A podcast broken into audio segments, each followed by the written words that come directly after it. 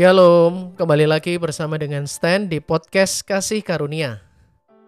Podcast yang membawa kita untuk merenungkan firman Tuhan secara singkat dan spontan setiap harinya sebagai bentuk ekspresi supaya hidup kita bisa berkenan pada Tuhan dan sesama. Hari ini teman-teman, Injil yang kita bahas dari Lukas bab 11 ayat 27 sampai 28. Injil Lukas bab 11 ayat 27 sampai 28. Berbahagialah ibu yang telah mengandung engkau. Pada suatu hari ketika Yesus sedang berbicara kepada orang banyak, berserulah seorang wanita dari antara orang banyak itu dan berkata kepada Yesus, Berbahagialah ibu yang telah mengandung dan menyusui engkau. Tetapi Yesus bersabda, "Yang berbahagia ialah mereka yang mendengarkan sabda Allah dan memeliharanya." Demikianlah Injil Tuhan. Teman-teman yang dikasihi oleh Tuhan Yesus Kristus, pagi hari ini ayat kita cukup pendek, cuma dua ayat gitu ya. Tapi maknanya begitu mendalam karena Tuhan menghadirkan dua bentuk pernyataan yang bertolak belakang. Tema hari ini, renungan hari ini adalah serupa namun tak sama. Ada dua jenis uh, pribadi orang yang ada di antara Tuhan Yesus. Yang pertama adalah pribadi yang dekat. Dekat ini dalam arti secara fisik ya, secara uh, nyata ya, secara gramatikal ya itu benar-benar dekat dengan Tuhan Yesus. Artinya ya ada terus di antara Tuhan Yesus bersama dengan Tuhan Yesus, ada sekitar Tuhan Yesus. Bahkan mungkin mungkin saja bisa jadi memiliki pertalian darah atau asalnya sama dengan Tuhan Yesus. Kalau ini digambarkan di dunia saat ini teman-teman itu seperti kita itu benar-benar ada di da dalam lingkungan gereja. Ada di dalam lingkungan pelayanan altar. Mungkin kita sebagai uh, pelayan altar, pelayan mimbar, mungkin kita sebagai worship leader, mungkin kita sebagai singer, pemusik dan sebagainya. Tim-tim yang dekat terus dengan Tuhan, ya, ada di sekitar Tuhan gitu ya. Tapi hari ini Tuhan menegur kita bahwa dekat saja tidak cukup ya dekat saja dengan Tuhan Yesus tidak cukup karena setiap orang bisa saja setiap hari mendengarkan firman Tuhan tapi Tuhan Yesus menegaskan ada tipe orang yang kedua yaitu mereka yang berbahagia sebenarnya yaitu adalah mereka yang melakukan yang mendengarkan sabda Allah dan memeliharanya. Maksudnya adalah melakukan firman Tuhan. Nah, hari ini Tuhan mengajak kita untuk lebih dalam lagi. Dekat dengan Tuhan. Tapi dan juga atau ya versus gitu ya. Kita ngomongnya versus. Dekat dengan Tuhan versus. Mendengarkan sabda Allah dan memeliharanya atau melakukannya itu dua hal yang berbeda teman-teman. Serupa namun tak sama. Bisa jadi kita hidup lahir berkembang ya itu di lingkungan yang dekat dengan Tuhan tapi bagaimana dengan pola kehidupan rohani kita? Apakah kita benar-benar mendengarkan sabda Allah dan memeliharanya dalam tingkah laku laka kita? Nah hari ini teman-teman, Tuhan Yesus terus menegaskan lagi bahwa dekat saja tidak cukup. Tapi kita perlu mendengarkan dan melakukan apa yang Tuhan Yesus sabdakan di dalam diri kita. Bahkan dengan tegas Tuhan mengatakan, di Injil yang lain, mereka bukan saudara-saudariku, sebab saudara-saudariku adalah mereka yang melakukan kehendak Bapakku yang ada di surga. Nah, teman-teman, uh, sebuah prinsip yang bisa kita lakukan supaya membantu kita untuk kita bisa menjadi orang yang tipe kedua yang dimaksud oleh Tuhan Yesus adalah salah satu prinsipnya adalah ya lakukan saja. Kita atau yang prinsip yang berikutnya yang bisa kita lakukan adalah ATM ya. Nah, Kita uh, coba kulik sedikit satu-satu ya. Lakukan saja itu dalam arti gini teman-teman. Jangan suka kita tuh mempertanyakan firman Tuhan. Tuhan saya kok harus mengampuni musuh saya? Tuhan saya kok harus uh, membaca mem bahkan membuka telinga saya lebar-lebar seperti seorang murid untuk mendengarkan sabdamu setiap hari.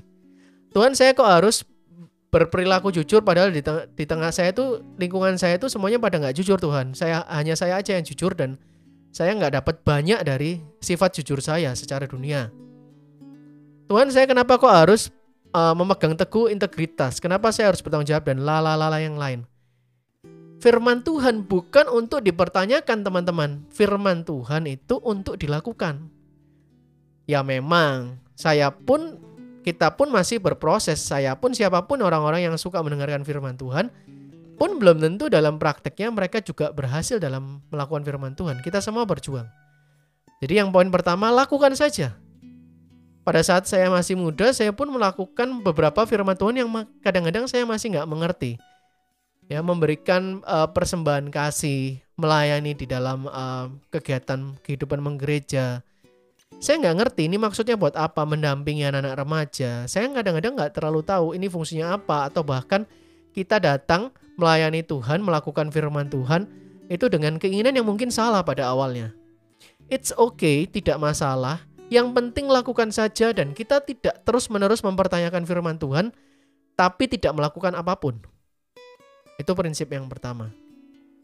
Prinsip yang kedua dalam melakukan firman Tuhan adalah ya selain kita lakukan saja tanpa mempertanyakan, prinsip yang kedua adalah kita benar-benar menjadi pelaku firman Tuhan yang setia, yang nggak cuma ngomong doang, ya, yang benar-benar melakukan itu dalam arti gini, uh, oh ya Tuhan, kita tuh bisa pakai metode paling gampang gini teman-teman, ATM, amati tiru modifikasi.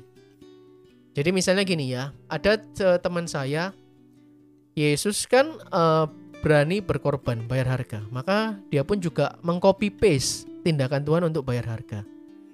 Tuhan Yesus kan selalu berdoa pagi-pagi.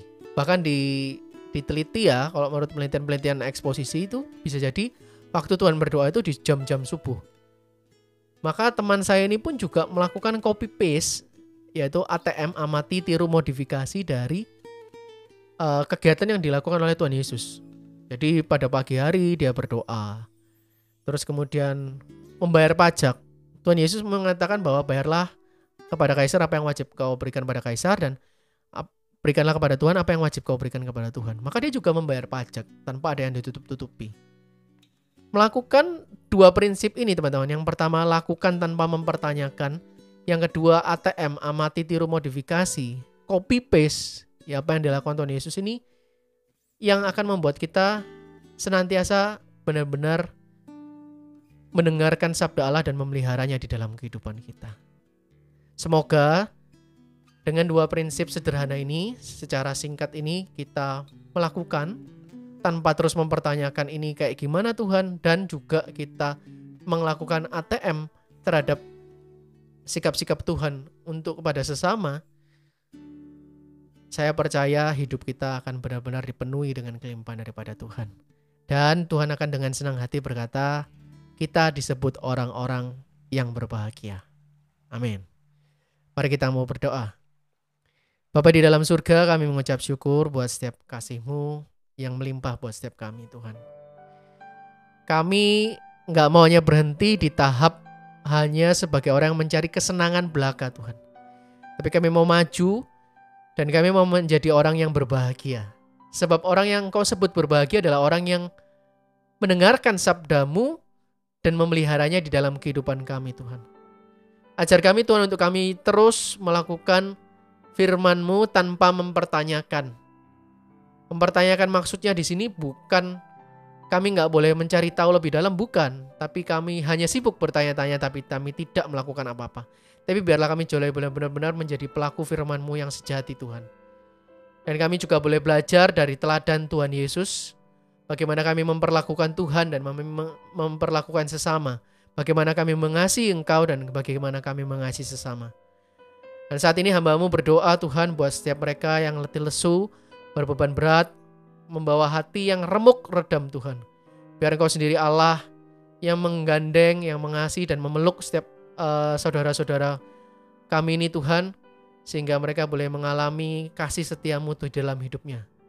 Hamba juga berdoa buat setiap mereka yang sedang mengalami sakit penyakit, kelemahan fisik Tuhan, atau uh, apa pun itu Tuhan, kiranya Kau yang boleh jamah saat ini di dalam nama Tuhan Yesus, Kau yang memberikan pemulihan, Kau yang angkat sakit penyakitnya. Nah, hamba juga berdoa buat setiap mereka yang mengalami pergumulan-pergumulan di dalam Engkau Tuhan. Biar Engkau sendiri yang terus berkarya, Engkau sendiri yang hadir dalam setiap pergumulan mereka Tuhan, sehingga nanti lewat pergumulan ini namamu boleh semakin dipermuliakan dan mereka boleh menjadi kesaksian-kesaksian yang hidup di dalam Engkau. Terima kasih Tuhan berkati aktivitas kami hari ini, setiap yang kami lakukan, sehingga kami boleh terus menyenangkan hatimu, dan kami boleh semakin berkenan di hadapanmu. Doa ini kami aturkan dalam namamu sendiri Tuhan Yesus, kami sudah mengucap syukur, kami sudah berdoa. Haleluya. Amin.